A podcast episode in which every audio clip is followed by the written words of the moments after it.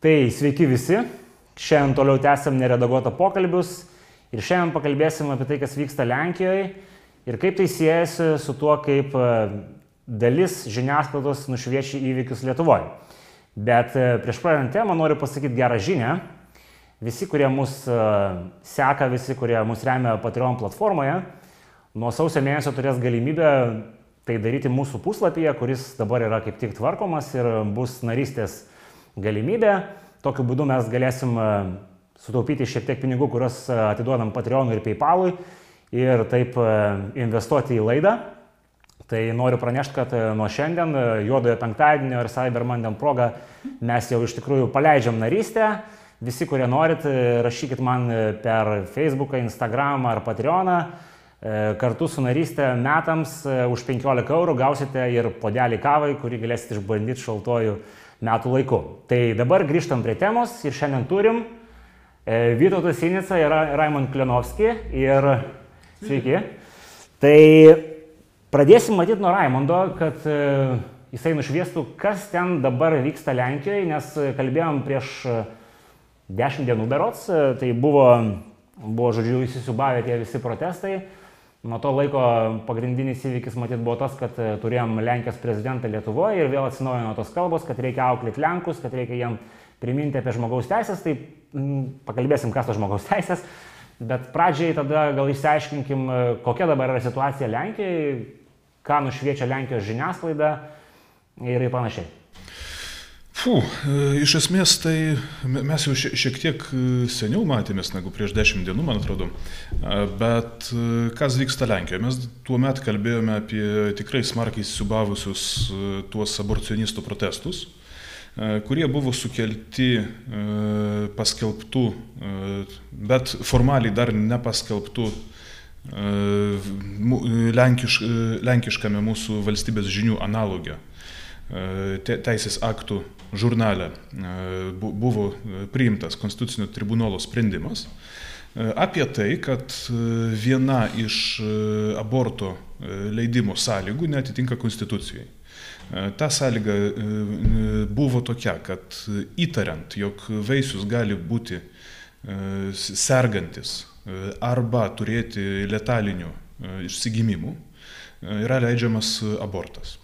O Lenkijos konstitucijos vienas straipsnių sako, kad e, žmogaus gyvybė yra saugoma nuo pradėjimo.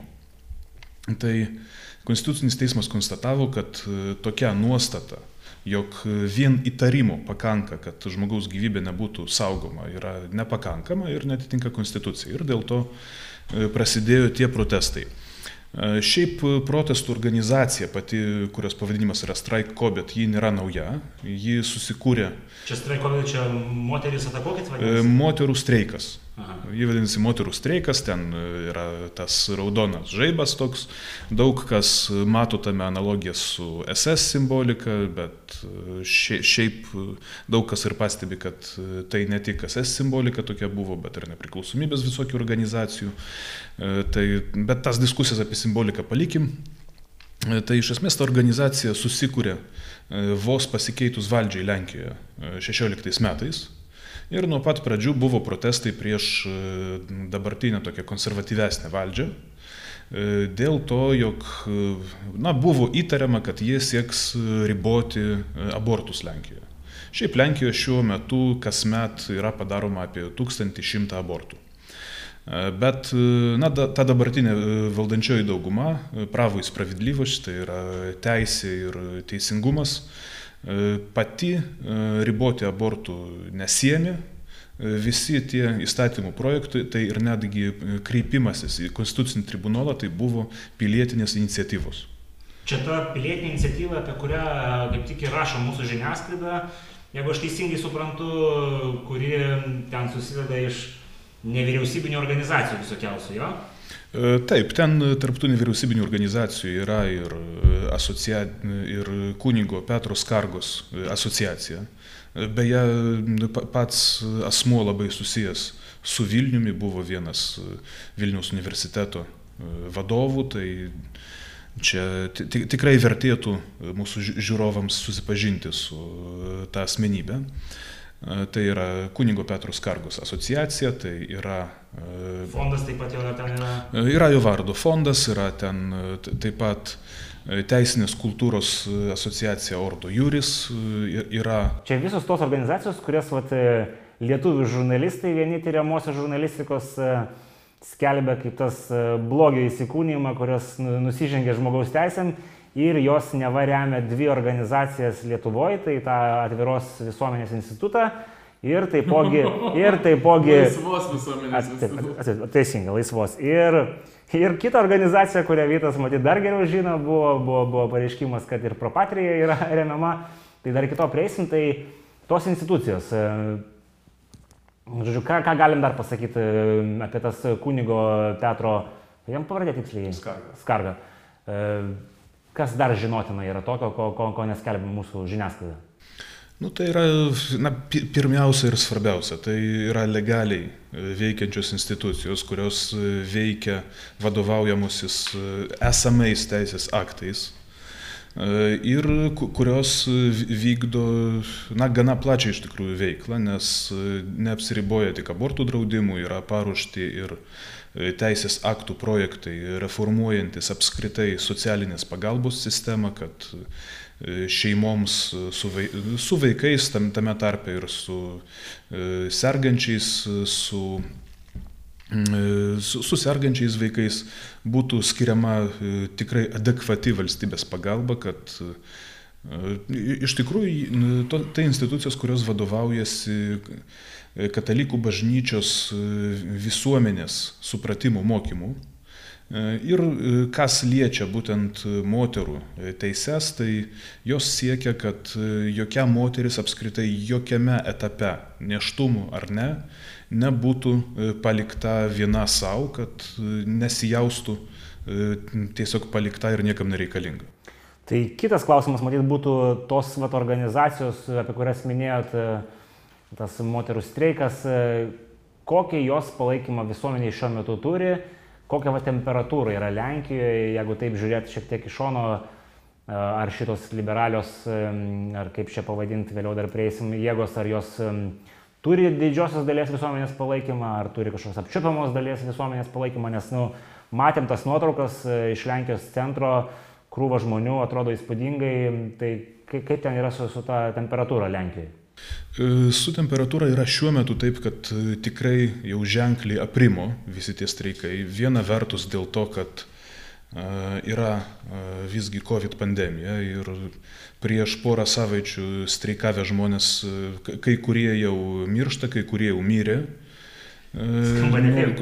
Tik, tikrai skamba nekaip ir na, tikrai aš asmeniškai reiškiu gilę užuojautą jų artimiesiems, nes nepriklausomai nuo politinių pažiūrų ar intencijų, tikrai na, niekas, niekam apskritai negalima linkėti mirties. Bet kita vertus, nu, toks yra faktas. Streiko organizatoriai pandemijos metu išvedė minės žmonių į gatves be kaukių, be jokių atsargumo priemonių ir to pasiekmes dabar turime ir reikia atvirai pasakyti. Moterų streiko organizatorės turi ant rankų kraujo. Ir šiuo metu tas taip pat yra primo dėl to, kad organizatoriai pradėjo skelbti savo politinius reikalavimus, kurie, kurie apskritai neturi jokio visuomenės palaikymo, nes Tikrai labai daug žmonių pasipiktino Konstitucinio tribunolo sprendimu dėl to, kad įsivaizdavo, kad Nes to, tokia, toks buvo naratyvas, kad moteris bus priverstos gimdyti lavonus, bus priverstos būti herojomis, likti su sergančiais vaikais ir taip toliau. Ir, na, savaime suprantama, niekas to nenorėtų. Bet e, reikia ir pasakyti, kad e, toks naratyvas buvo ir netitinkantis tikrovės. Niekas neverstų moterų gimdyti lavonų.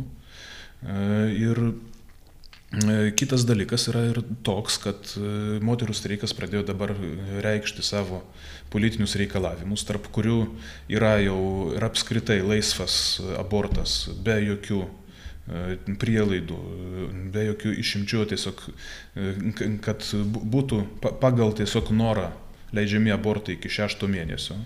Tai tam didžioji dauguma visuomenės nepritarė.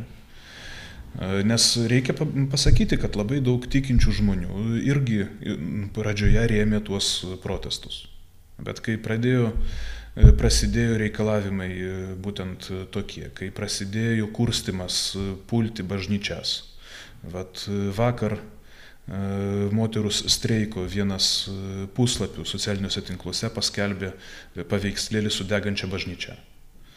Tai, nu, jeigu čia būtų mečetė, tai jau baigtųsi blogai. Nu, tai ar, arba sinagoga, arba mokykla, arba dar kažkas. Tai tie, tiesiog moterų streikas šiuo metu labai smarkiai riboja savo palaikymo bazę. Nes buvo pas, paskelbta streikų taryba, kurioje atsirado vėlgi tie patys seni veikėjai, buvę, buvę komunistinių tarnybų slaptieji bendradarbiai visokie ir ten partiečiai, oligarchijos atstovai. Nu, tai iš, buvo vienas dėstytojas, kuris atsisakė to posto į savo vietą, pasiūlė ten e, jauną, veržlę merginą, kuri pasirodo yra jo mergina ir tarp kitko ir jo studentė. Tai tiesiog nu, pradėjo tas kompromituotis, prasidėjo reikalavimai tokie kaip 7 valandų darbo diena ir kurie iš tikrųjų. Progresyvūs reikalavimai išėjo. Progresyvūs reikalavimai, apie kuriuos galima diskutuoti kaip apie 7 valandų darbo dieną, bet ar tai tikrai yra susijęs su e, pagrindiniu tuo streiku. Nu, ir kitas dalykas, kad e, moterų streiko vadovybė apskritai atsisako bet kokio dialogo su valdžia. Ji tiesiog nori nuversti valdžią, nuversti santvarką ir įvedinėti savo revoliucinę tvarką. Skamba panašiai kaip Amerikoje. Taip, skamba panašiai kaip Amerikoje ir iš tikrųjų ir jų veikimo metodai yra labai panašus. E, ir demografija, į kurią jie orientuojasi, tai yra iš esmės 15 mečius per socialinius tinklus, e, irgi yra panaši. E, ir vėlgi, kiek tai yra konstruktyvus judėjimas, jokių būdų nėra jokio konstruktyvumo tame. Tai tada klausimas e, Vytautui. Pas mus e, šitas visas e, procesas reiškia dviem etapais. Tai viena, kad mūsų naujoji valdžia siūlo auklėti Lenkijos valdžią arba užsiminti jiem kaip tikri, tikras draugas, kaip ten sakė būsimas užsienio reikalų ministras. O kitas aspektas yra, kad netaip seniai vykęs krizinio neštumo renginys prezidentūroje, kurį vat, organizavo minėtas e, Laisvos visuomenės institutas. E, jisai yra siejamas su, su, su, su organizacija būtent Lenkijoje ir ten yra, vat, aš kai skaičiau tą straipsnį, tų tyriamosios žurnalistikos organizacijos, pavadinkim jie taip, e, tai jie ten jau pučia tą reikalą, kad ten nekilnojamo turto skandalas, ten 5 milijonai eurų, žodžiu, ten kažkas dalinasi, viskas tvarkoja, žodžiu, ir čia neva korupcija didžiulė vyksta ir ta organizacija yra už mūsų to instituto kažkokia forma. Kaip pat jums, kaip politologui, atrodo va, šitas visas susietumas ir kiek čia yra to kažkokio loginio ryšio, o kiek kažkokio naratyvo formavimo? Vien naratyvo formavimas, jokio loginio ryšio. Aš čia prieš tai dar klausydamas norėjau trumpą pastabėlę apie tai, kad neatsakingai elgėsi tų protestų organizatoriai COVID prasme, ar ne? Apie tai buvo viena iš pastabų, iš tikrųjų labai įdomu.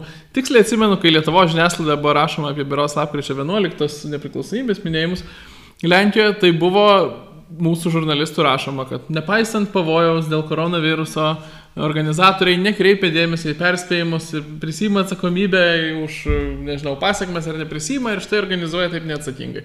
Kalbant apie šitos protestus, kalbant apie vasarą Black Lives Matter Lietuvoje ir panašius dalykus, niekada jokių panašių pastabų iš mūsų žiniasklaidos nėra. Na tai čia toks tiesiog pastebėjimas apie dvigubus standartus, kurie čia visur.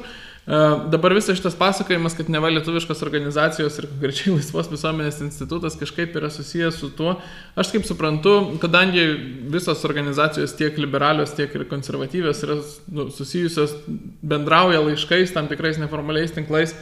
Ir tarkim, jeigu dirba kovos už gyvybės rytyje, ką Laisvas visuomenės institutas ir daro, tai jis be abejo bendrauja su kitom tokiam organizacijom Europoje. Ir kai Berots Ordo Juris, ta teisinė organizacija Lenkijoje kvietė panašių pažiūrų organizacijas pasirašyti tą kreipimąsi į Konstitucinį tribunolą, jeigu aš gerai suprantu, tai jie ir pasirašė. Ir čia yra visas jų ryšys. E, lygiai tą patį galėjo padaryti bet kokia Portugalijos organizacija, Islandijos organizacija, jeigu ten iš vis tokių yra ir panašiai.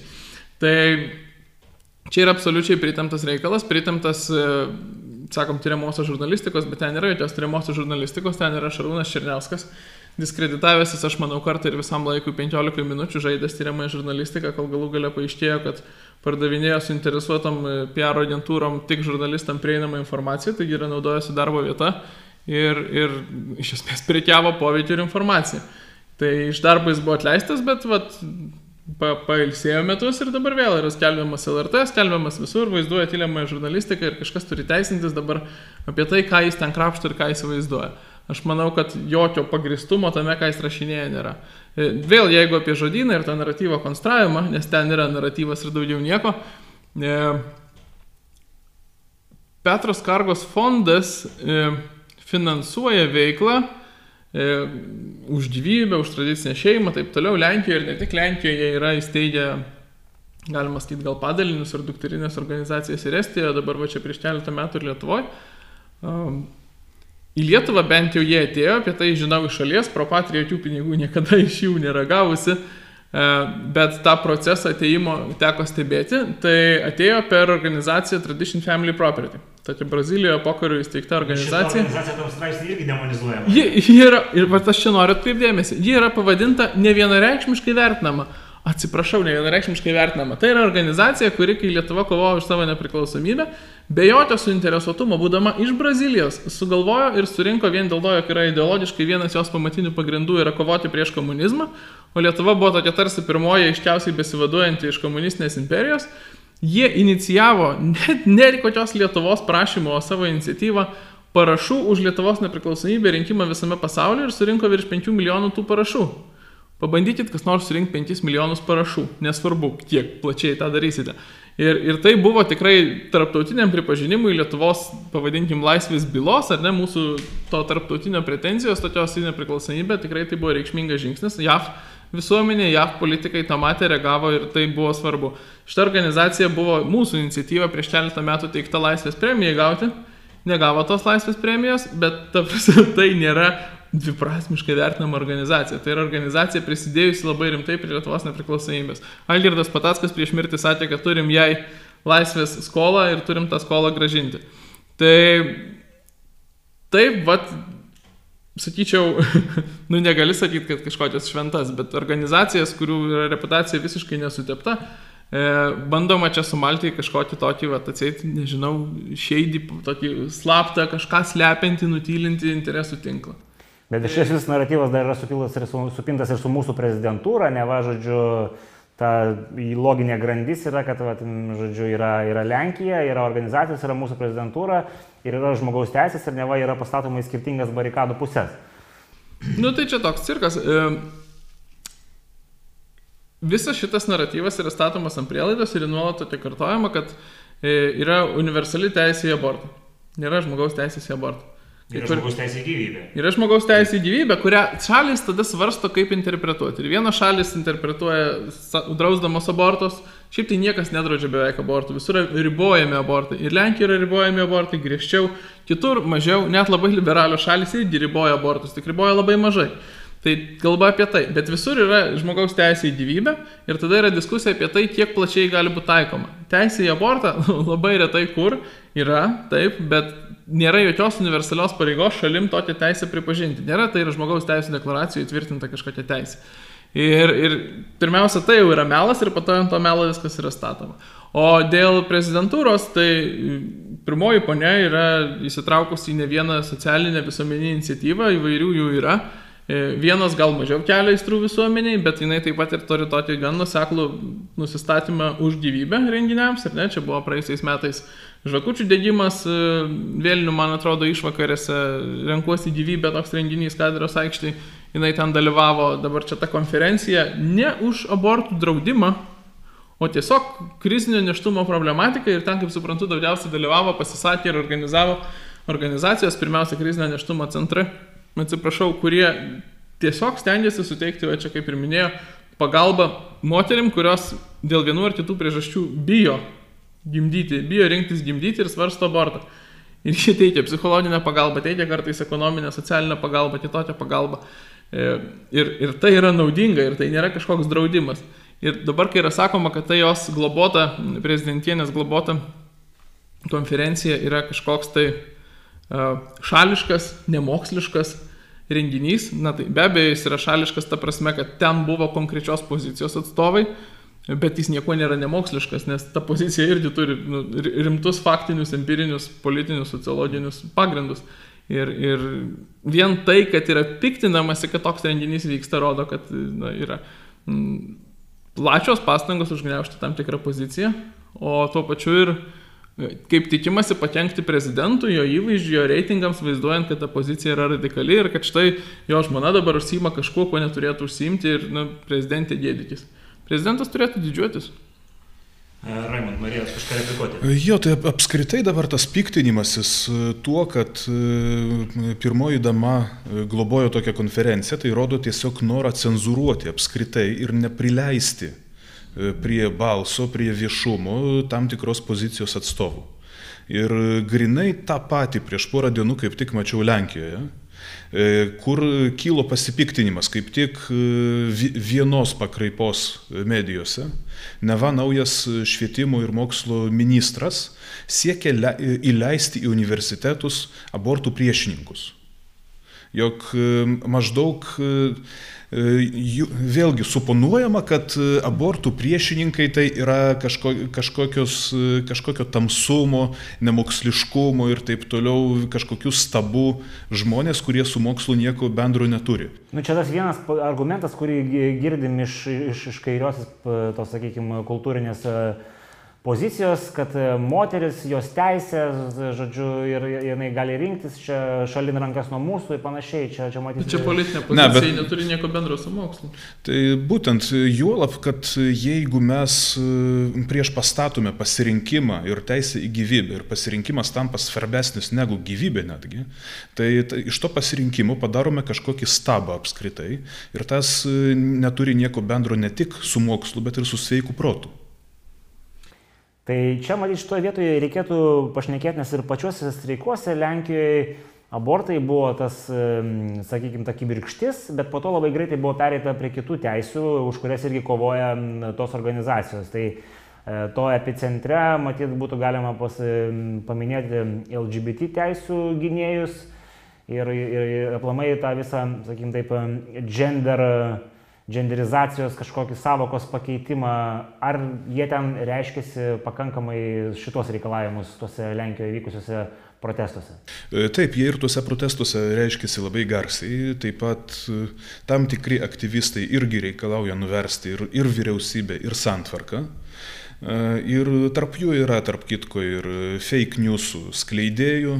Yra toks vienas aktyvistas, kuris fotografavosi prie įvažiavimų į visokius miestelius mažus, e, prie jų e, lentelės su miestelio pavadinimu, prikabindamas e, lentelę panašią kaip tik į kelio ženklą su užrašu LGBT Free Zone.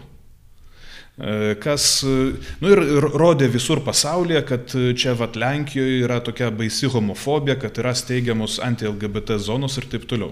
Jis tas lentelės pats pagamindavo, jis pats sugalvojo pavadinti tas vietovės e, LGBT zonomis be LGBT.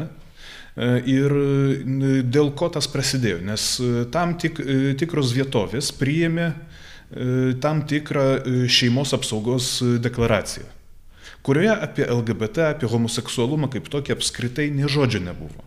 O tik apie tai, kad reikia remti šeimas, kad reikia skatinti, kad vaikai auktų pilnose šeimose, padėti daugia vaikiams šeimoms ir taip toliau.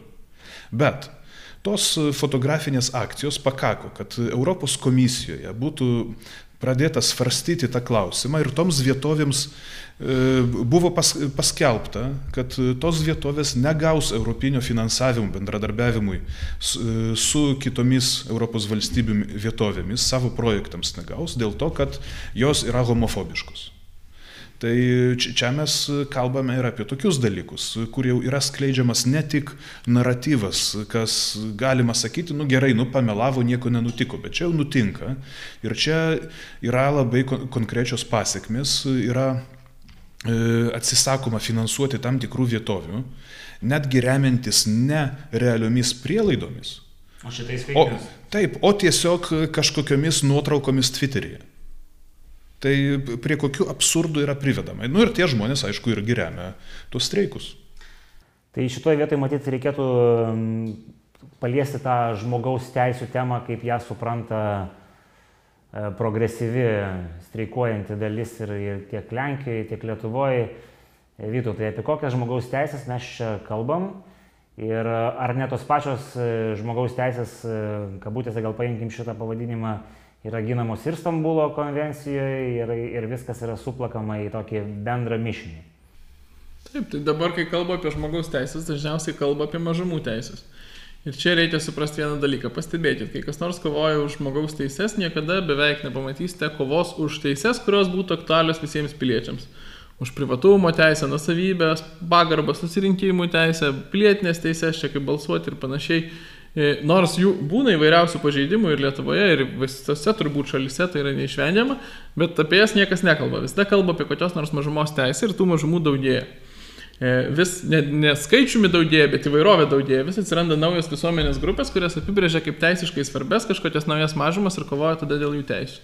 Ir tas visuomenės piragas į visokias mažumas yra pjaustamas vis naujais pjūviais. Ieškoma ten, kur egzistuoja rasinių mažumų, etninių mažumų, tada e, religinių mažumų, seksualinė orientacija tampa pagrindu mažumai išskirti ir tada ginti. Dabar jau lytinė tapatybė, va čia galima bus paliesti Stambulo konvenciją, irgi tampa pagrindu būti nauja mažuma, kurią reikia ginti. Tai štai, kai kalba apie žmogaus teises, tiek Lietuvos nauja valdžia, tiek Europos komisija, e, kalba realiai apie mažumų teises, va taip suprastas, ir kad jas čia būtent reikia ginti. E, Tokios teisės dažniausiai vėl, kaip prieš tai kalbėjome apie abortą, ne, tai nėra teisės pripažintos kažkaip e, žmogaus teisų deklaracijoje, tai nėra universalios teisės. Tai yra teisės, kurias jeigu nori kokia nors šalis, jeigu visuomenė jas priima, tai tada parlamente arba per aukščiausiai teismą subalsuoja ir susitarė, kad nu gerai, mes pripažinsim dabar tokią teisę. Tarkim, vat, teisė į abortą, teisė į vienalytę santoką. Ar ne? Tai nėra universalios teisės ir nėra jokių pažeidimų, jeigu šalis tokių dalykų nepripažįsta. Bet to šalis, kurios pripažįsta tokias mažumų teises, čia dėti kabutės ar nedėti priklauso nuo požiūrio, aišku, to šalis pradeda tokį moralinį kryžiaus žygį, aiškinti likusiam šalim, kad jos irgi turi pripažinti. Ir tada prasideda, kad ne va Lenkijoje vyksta žmogaus teisų pažeidimai, ne va Lietuvoje vyksta žmogaus teisų pažeidimai ir taip toliau. Tokios teisės labai dažnai po to susiduria su tom universaliom, nemažumų teisėm. Su religijos laisvė, kai yra, tarkim, tikintieji verčiami prisidėti prie vienalyčių santokų organizavimo. Čia yra JAF labai populiari problema, tūkstančių turbūt jau bylų klausimas kai įvairūs verslininkai, gėlininkai, juvelyrai, organizatoriai, vedėjai, fotografai ir taip toliau atsisako dalyvauti organizuojant vienalytės santokos ceremoniją, tada juos paduoda į teismą ir sužlugdo jų verslus, moka baudas ir taip toliau. Religijos laisvės suvaržymas, labai rimta tema Amerikoje. Dabar kitas variantas be abejo yra žodžio laisvė. Ir mūsų naujoji galima e, teisingumo ministrė yra, kaip pati gyrėsi, yra trim klausimais labai didžiuojasi savo veikloje kaip advokatas padėjęs ir vienas iš tų klausimų yra, kad yra daug laimėjusi bylų dėl neapykantos nusikaltimų, dėl neapykantos kalbos. Neapykantos kalba tai yra, kai žmonės pasako kažką įžeidžiančio apie mažumas. Jeigu pasakysi, ką nors įžeidžiančio apie Raimundą, ne visai stingat, ne, nu galėsit patikslinti. E, Jeigu pasakysi, ką nors apie tave, apie mane įžeidžiančio, tai nebus neapykantos kalba. Jeigu apie kokią nors apibrieštą mažumą pasakysi įžeidžiančio tos mažumos pagrindu, e, tai gali tapti sėkmingų ieškinių dėl neapykantos kalbos. Čia mes susidurėm su žodžio laisvės klausimais. Ir taip toliau. Aš manau, kad laisva demokratinė visuomenė negali e, drausti kažkokio kalbėjimo vien dėl to, kad jis yra įžeidžiantis kažkokioms grupėms. Įsižeidimai yra žmonių privačių tarpusavio santykių klausimas.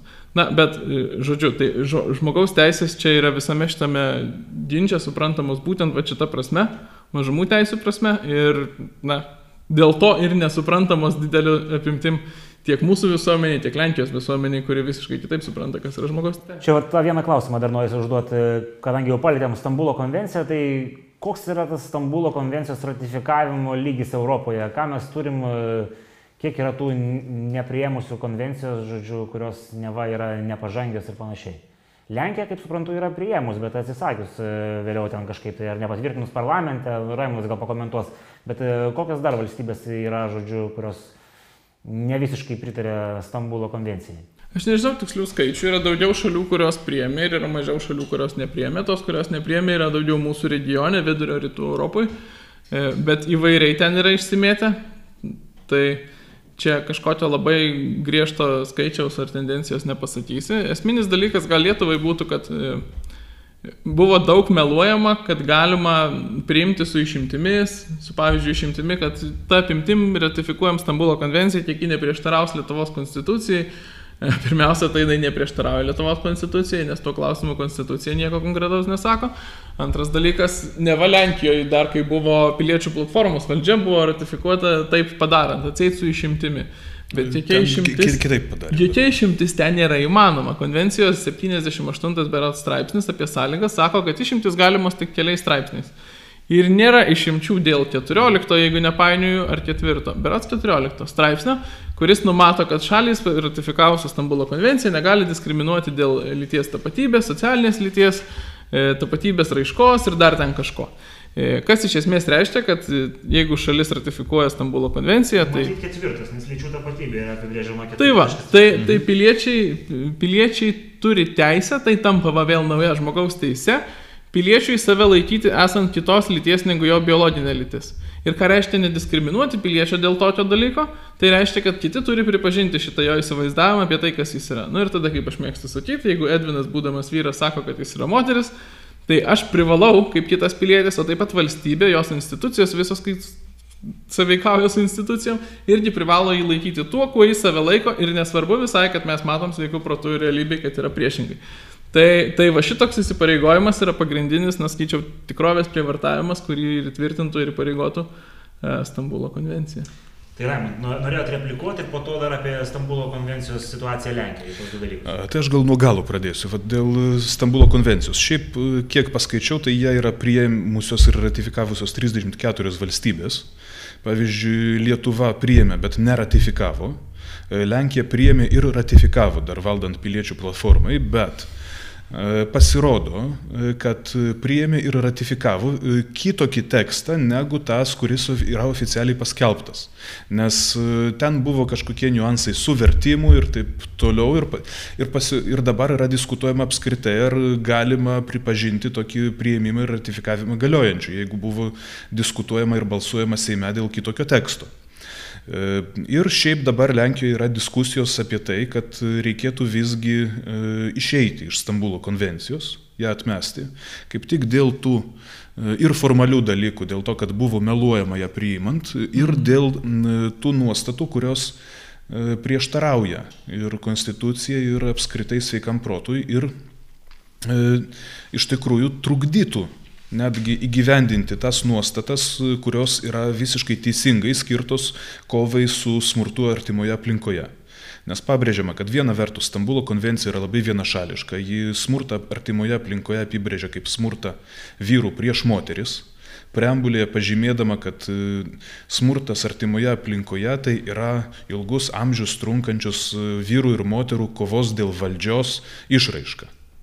Tai jeigu mes smurtą artimoje aplinkoje traktuojame kaip šitą, o ne kaip e, problemą, kuri yra žymiai sudėtingesnė, nes tame gali būti ir priklausomybė nuo alkoholio, nuo narkotinių medžiagų, nuo e, azartinių lošimų susijusi ir taip toliau. Ir e, auklėjimo, augimo nepilnoje šeimoje, atitinkamų pavyzdžių trūkumų klausimai ir taip toliau, tai mes visą tą suplakame grinai link marksistinio marksistinės e, kovos dėl valdžios, kurie dalyvauja šiuo atveju vyrai ir moteris, tai mes negalime tinkamai tos problemos spręsti. O kitas dalykas yra ir toks, kad e, faktiškai Stambulo konvencija e, paveda visą darbą kovoje su smurtu artimoje aplinkoje valstybei perduoti nevyriausybinėms organizacijoms, joms skiriant finansavimą ir taip toliau. Tai iš esmės e, valstybė tokiu būdu atsisako savo vaidmens kovoje su ta problema, e, kurią įspręsti dažnai reikia tiesiog e, ir tam tikrų smurto institucijų, institucinės prievartos institucijų kaip policija, kaip arešto orderiai ir taip toliau, kuriomi, kuriomi, ir tais instrumentais nevyriausybinės organizacijos tiesiog nedisponuoja. Ten yra labai daug klausimų tame, bet Stambulo konvencija turi du labai e, gerus straipsnius, e, kuriuos, manau, Lietuva, net ir jos neratifikavusi, turėtų įvesti į baudžiamąjį kodeksą. Tai yra baudimas už privertimą abortuoti vaiką ir vaikų lytinių organų apipjaustimo.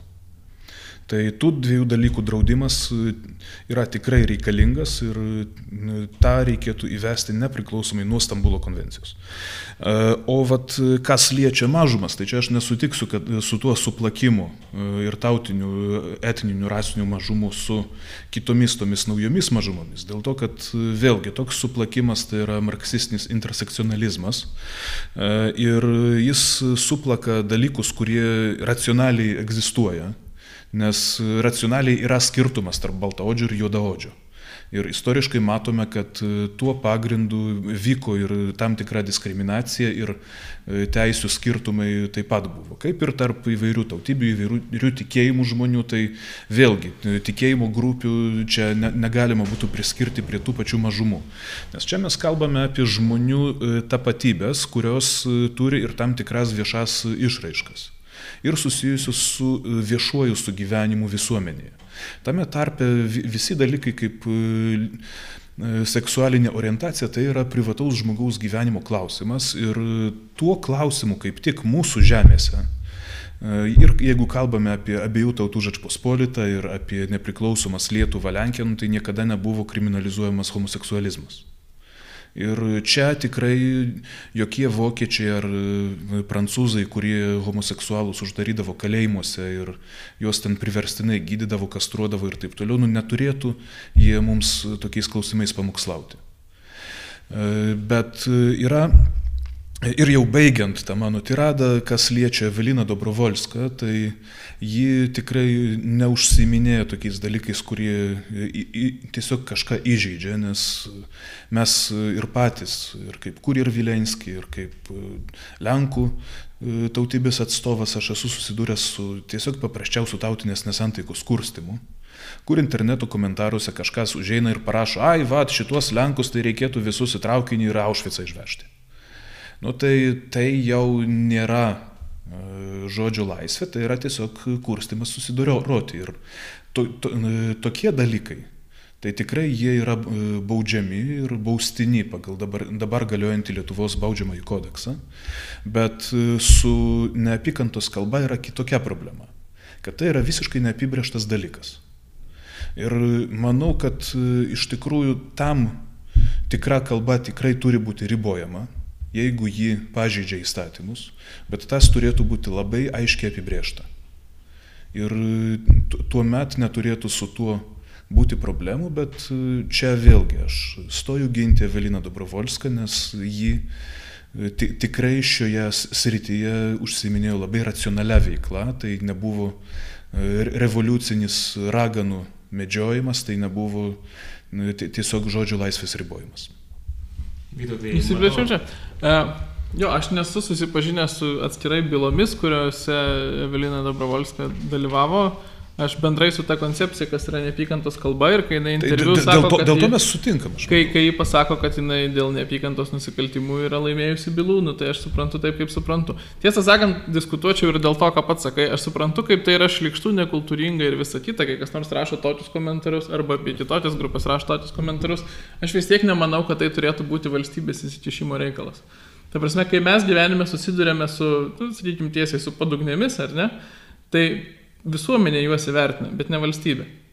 Jeigu aš kaip padugnė bendrausiu su tavim ar su kažkuo kitu dėl tavo kilmės ar dar kažko, turbūt, kad būsiu įvertintas ir be valstybės įsikišimo, ir be baudos, ten kam nors patikrinus mano IP ir dar kažką.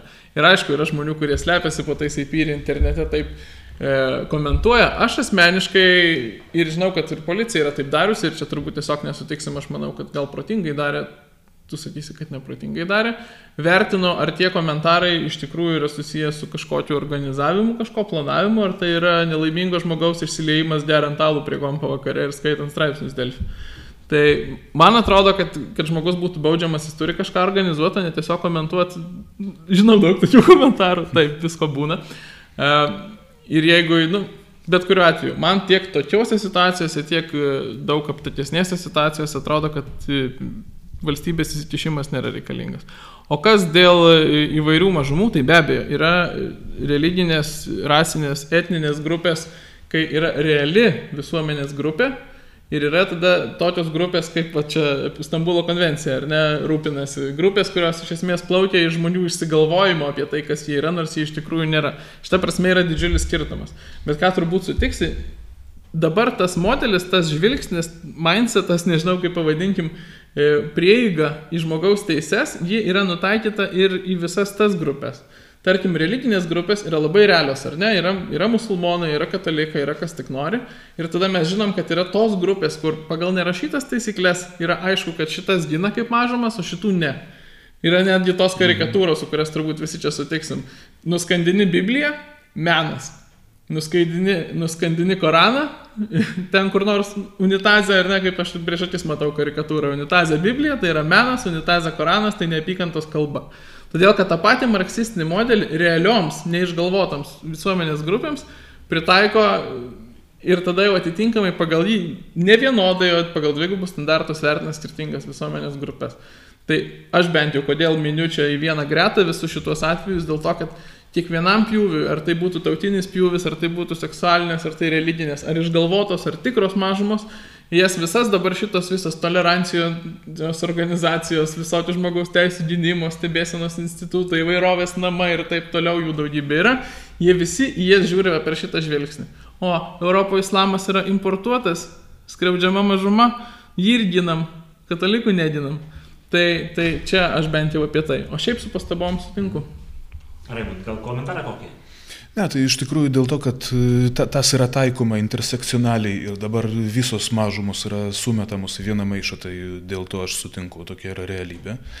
O kitas dalykas, tai tas dvigubas standartas, jis vėlgi kyla iš to neomarksizmo, panašiai kaip Amerikoje, jeigu baltas pasako lauk visus juodus, nu, tai jis yra rasistas. Jeigu juodas pasako lauk visus baltus, nu, tai viskas tvarkoj, nes juodas negali būti rasistų, rasistas gali būti tik baltas. Jis kovoja su sisteminiu rasizmu. A, nu taip, taip. Tai, taip, tai, bet, sveikų protų logiškai mastant, nu, tai ir vienas, ir kitas yra rasistas, nes kursto prieš kitą rasę. Taip. Tai tame ir, nu, ne, ne, tik, ne tik šitoje vietoje marksizmas prasilenkė su sveiku protu, bet tai yra vienas iškiausių pavyzdžių. Tai čia matyt prieinam prie to esminio dalyko, kas dabar vyksta ES lygmenių, tai yra svarstoma, kad reikia tokias valstybės kaip Lenkija ir Vengrija e, bausti finansiškai dėl to, kad jos pažeidžia teisės viršenybės principus. Tai Vyrai, kokia čia teisės viršenybė pažeidžiama ir, ir, ir kas, kas čia vyksta tuo lygmeniu?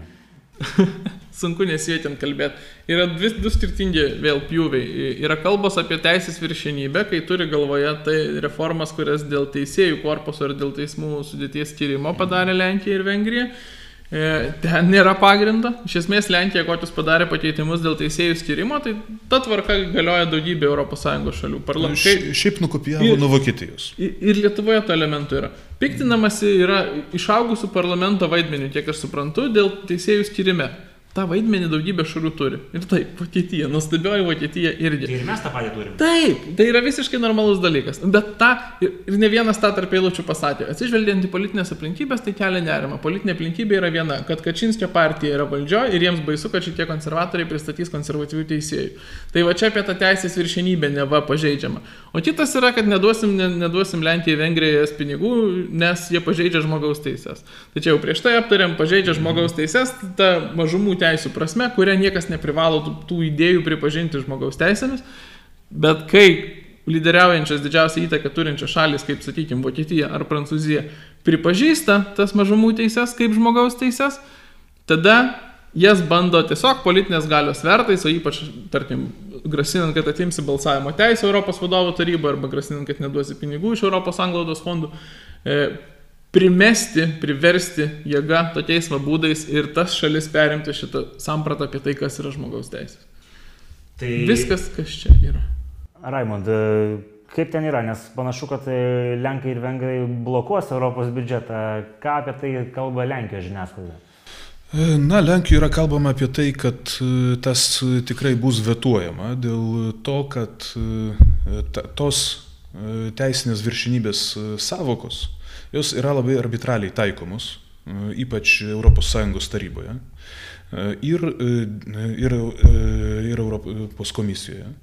Ir dėl to tiesiog nėra, negali būti apskritai kalbos apie tai, kad biudžetas ES gali būti siejamas su kažkokiais dalykais, kurie iš principo veržiasi į valstybių suverenumo klausimus ir kurie nebuvo apskritai liečiami stojimo į sąjungą traktatuose. Ir dėl to Lenkija būtent protestuoja. Vengrija turi ten savo interesų, aš iš šitą nesigilinau tiesą sakant. Bet Lenkija šitą vetuoja ir yra kalba tiesiog tokia, kad jeigu nepavyks susitarti dabar su vokiečių prezidencija Europoje, tai tiesiog reikia palaukti, kol jį pasikeis. Tai čia dar ir kitą dalyką norisi pasakyti, šitas va dienraštis, kurio pavadinimo nedrįštų skaityti. Savaitraštis, du žodžiai. Taip, tai jie skelbia, kad e, Kačinskis jau kalba apie, e, kaip jie ten vadina, polexit ar kaip. Žodžiu, jo, aš velniškai nekenčiu šito žodžio. Nu, tai, tai yra tiesiog šlikštus toks nukopijavimas iš breksito. Tai nejaugi mes savo kalbos neturim. E, bet e, šiaip e, kalbos apie poleksitą vyrauja jau šešis metus, nu ne, penkis nuo prezidentų rinkimų, kurios pirmą kartą tada buvo laimėjęs Andžėjus Duda. Tai liberali kairioji žiniasklaida iš karto pradėjo kalbėti, kad oi bus poleksitas, Kačinskis mus išves iš ES. E, tai tikrai nereikėtų to bijoti, kad tai bus. Čia vad noriu įsiterpti, nes prisimenu praeitą, kad kalbėjom ir kalbėjom apie tokį Lenkų žurnalistą, kuris, vat, ir jis sakė, lietuvių kalbą moka, pamiršau kaip jo vardas. E, taip, taip. Tai jo mintis buvo vienam podcast'e išsakyta kalbant e, su vienu socialdemokratu kad e, čia yra ta slapta paskutinė korta kurstyti polarizaciją Lenkijoje, kurią Kačinskis mes ant stalo, kad, e, kad ne va kažkaip tai tą mobilizuoti elektoratą, kuris lysta iš rankų. E, tai viena vertus elektoratas neslysta iš rankų, nes visuomenės apklausos rodikliai rodo, kad tie moterų streikai ir kiti dalykai neipatingai įtakojo apskritai Kačinskio partijos elektorato nusistatymą. O kitas dalykas yra toks, kad e, kaip tik poleksito, to baisaus poleksito korta tikrai nebus žaidžiama dėl paprasčiausios priežasties. Nes Lenkijos visuomenė nėra palaikymo to, to, apskritai tokiam žingsniui. E, o Kačinskis jis yra demokratas. Jis yra radikalus demokratas, ta prasme, kad jis, ką rinkėjams pažada, jis tą sieks įvykdyti, ko negali įvykdyti, tai to ir nežadės, jeigu mato, kad nebeturi daugumos, kaip buvo 2007 metais kad galėtų savarankiškai valdyti ir realizuoti savo programą, tai paskelbė pirmalaikius rinkimus, kuriuos pralaimėjo. Ir Jis kaip demokratas e, tikrai poleksito neskelbs. Juolab, kad didelė dalis Lenkų visgi remia Lenkijos buvimą ES. Bet jie tiesiog turi, e, tie, kurie nori būti ES, turi kitokią ES viziją, negu ją turi Angela Merkel. Ir tai yra e, pagrindinė konflikto ašis. Ir Kačinskiui kaip demokratui, kaip tik su Angela Merkel gali būti sunku susitarti, nes vėlgi Merkel valdo Vokietiją jau 15 metų kartu su savo svita, su pavaldžia žiniasklaida, kuri ten jos nekritikuoja, net kai yra už ką, kuri ne, ne, nepublikuoja apie nusikaltimus vykdomus imigrantų ir taip toliau, kad tik poniai kancleriai nesutrukdytų. Tai iš esmės pagal valdymo laikotarpį, pagal valdymo, valdymo stilių apskritai, nu, tai Angela Merkel Europoje gali lygiuotis tik su Žanu Klodu Junkeriu, Vladimiru Putinu ir Aleksandru Lukašenka. Tai čia vėlgi apie kokius demokratijos principus kalbame. O kas liečia teismų sistemos reformą Lenkijoje, tai tai buvo vienas dalykas, kaip tik vienas pažadų, kurie lėmė Kačinskio partijos laimėjimą 16 metais. Tai buvo pažadas reformuoti teismų sistemą. Nes teismai nebuvo reformuojami apskritai nuo 39 metų Po karo teisėjai stabdavo žmonės, kurie neturėjo vidurinių išsilavinimo, tik baigdavo poros savaičių politinių teisėjų kursus. Tie žmonės e, miriop siūsdavo nepriklausomybės kovotojus, kartais netgi pažeisdami ir stalinistinę teisę, ir jos žmogaus teisų savoką, e, supratimą. Pavyzdžiui, buvo e, Danuta Šidzikovna Inka, kaip tik nuteista mirties bausmiai.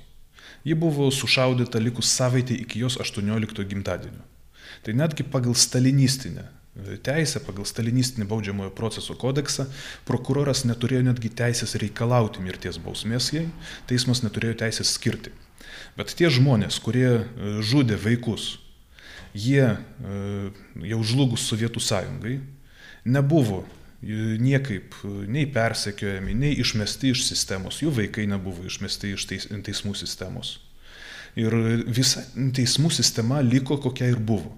Čia tai ta teismų sistema, kurią taip gina Europos Sąjunga. Taip, tai yra ta sistema, kurią gina Europos Sąjunga. Ir dar nu, geriau.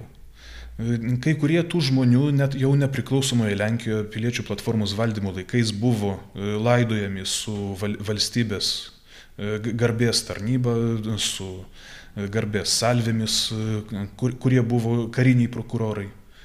Jų, jų vaikai irgi yra toje sistemoje. Tai plus ant to dar užsidėjo kitas sluoksnis patologijų teismų sistemoje, nes kaip žinia teisėjas turi būti neprikaištingos reputacijos. O labai daug buvo garsių atvejų, kuomet teisėjai, pavyzdžiui, e, vairuodavo girti e, ir, ir e, pakliūdavo karts nuo karto, ten reguliariai kai kurie ten kas savaitę girtą į policiją sustabdydavo, bet teisėjų imunitetas tai nieko negalima padaryti. Kitas teisėjas degalinėje pavogė iš kitos klientės 50 zlotų, kuriuos jį padėjo prie kasos, norėdama atsiskaityti ir po to aiškino, kad nu nepastebėjo, pats tiesa kortelę mokėjo. Buvo teisėjai, kurie vogė batonėlius iš parduotuvių, kurie vogė USB laikmenas ir taip toliau, nu, smulkmenas tokias. Ir, ir jie to, ir toliau buvo teisėjai, nes te, teisėjų ta vidaus savivalda tiesiog su tuo nieko nedarė, juos išteisindavo ir tie žmonės, kurie ten patys vogė ir, ir užsiminė visokiamis neteisėtomis nesąmonėmis, buvo toliau teisėjai Ir aišku, tas labai piktindavo žmonės, juolab, kad e, Lenkijos apskritai teisės saugos sistema yra labai netobula, kad ir abortų klausimų. Yra toks fanpage'as, e, e, apskritai fanpage'as, vėlgi fondų visas tinklas yra susijęs su užsienio fondais. Ten kelios moteriškės pasivadino abortų svajonių komanda ir internetu pardavinėja nelegaliai receptinius vaistus skirtus e, farmaciniam abortui įvykdyti. Tai vėlgi buvo įvykdyta žurnalistinė provokacija, ten prisistatė 16 metę e, ir normaliai įsigijo tų, tų tablečių. Ten paaiškino tik, tu žinok, mes už nieką neatsakom, tu privalai pasirašyti, kad e, mes už nieką neatsakom ir vat, ką tu pasakosi gydytojai, jeigu tau bus komplikacijos. Nu, tai tai yra iš esmės e, nelegali veikla, tai yra kriminalinė veikla. O iš vis medikamentinis abortas leidžiamas Lenkijoje, Lietuvoje tai ne? E, Lenkijoje irgi ne. Nu, tai net nereikia tai, nepilnametis. Dvigubas nusikaltimas. Ne, bet, ne, bet e, jau nekalbant apie abortus, čia gali, gali kas nors ginčytis, gali nesiginčyti, gerai, bet receptinių vaistų pardavinėjimas internetu be receptų. Tai, tai yra nusikaltimas. Ir ma, maža, kad tas nusikaltimas yra laisvai vykdomas su tuo nieko negalima teisiškai šiuo metu padaryti. Tai tos moteris yra publikuojamas Gazeta Viborčia e, priedo savaitgalinio viršelyje, kaip, kaip taip, kaip herojas. O mūsų vat, visokie Šarūnai Černiauskai, LRT ir 15 minučių su e, laikraščiu remiančiu tą nusikalstamą veiklą pasirašo bendradarbiavimo sutartis. Vykdo žurnalistinius tyrimus su Michnika. Taip. Jo, tai Vytautai, tada klausimas, e, kaip pat e, Europos kontekste, tai visgi kokios ten tos e, teisės viršenybės dilemos su Lenkais, žodžiu, yra, kad jiem norima, žodžiu, tą biudžetą apkirpti.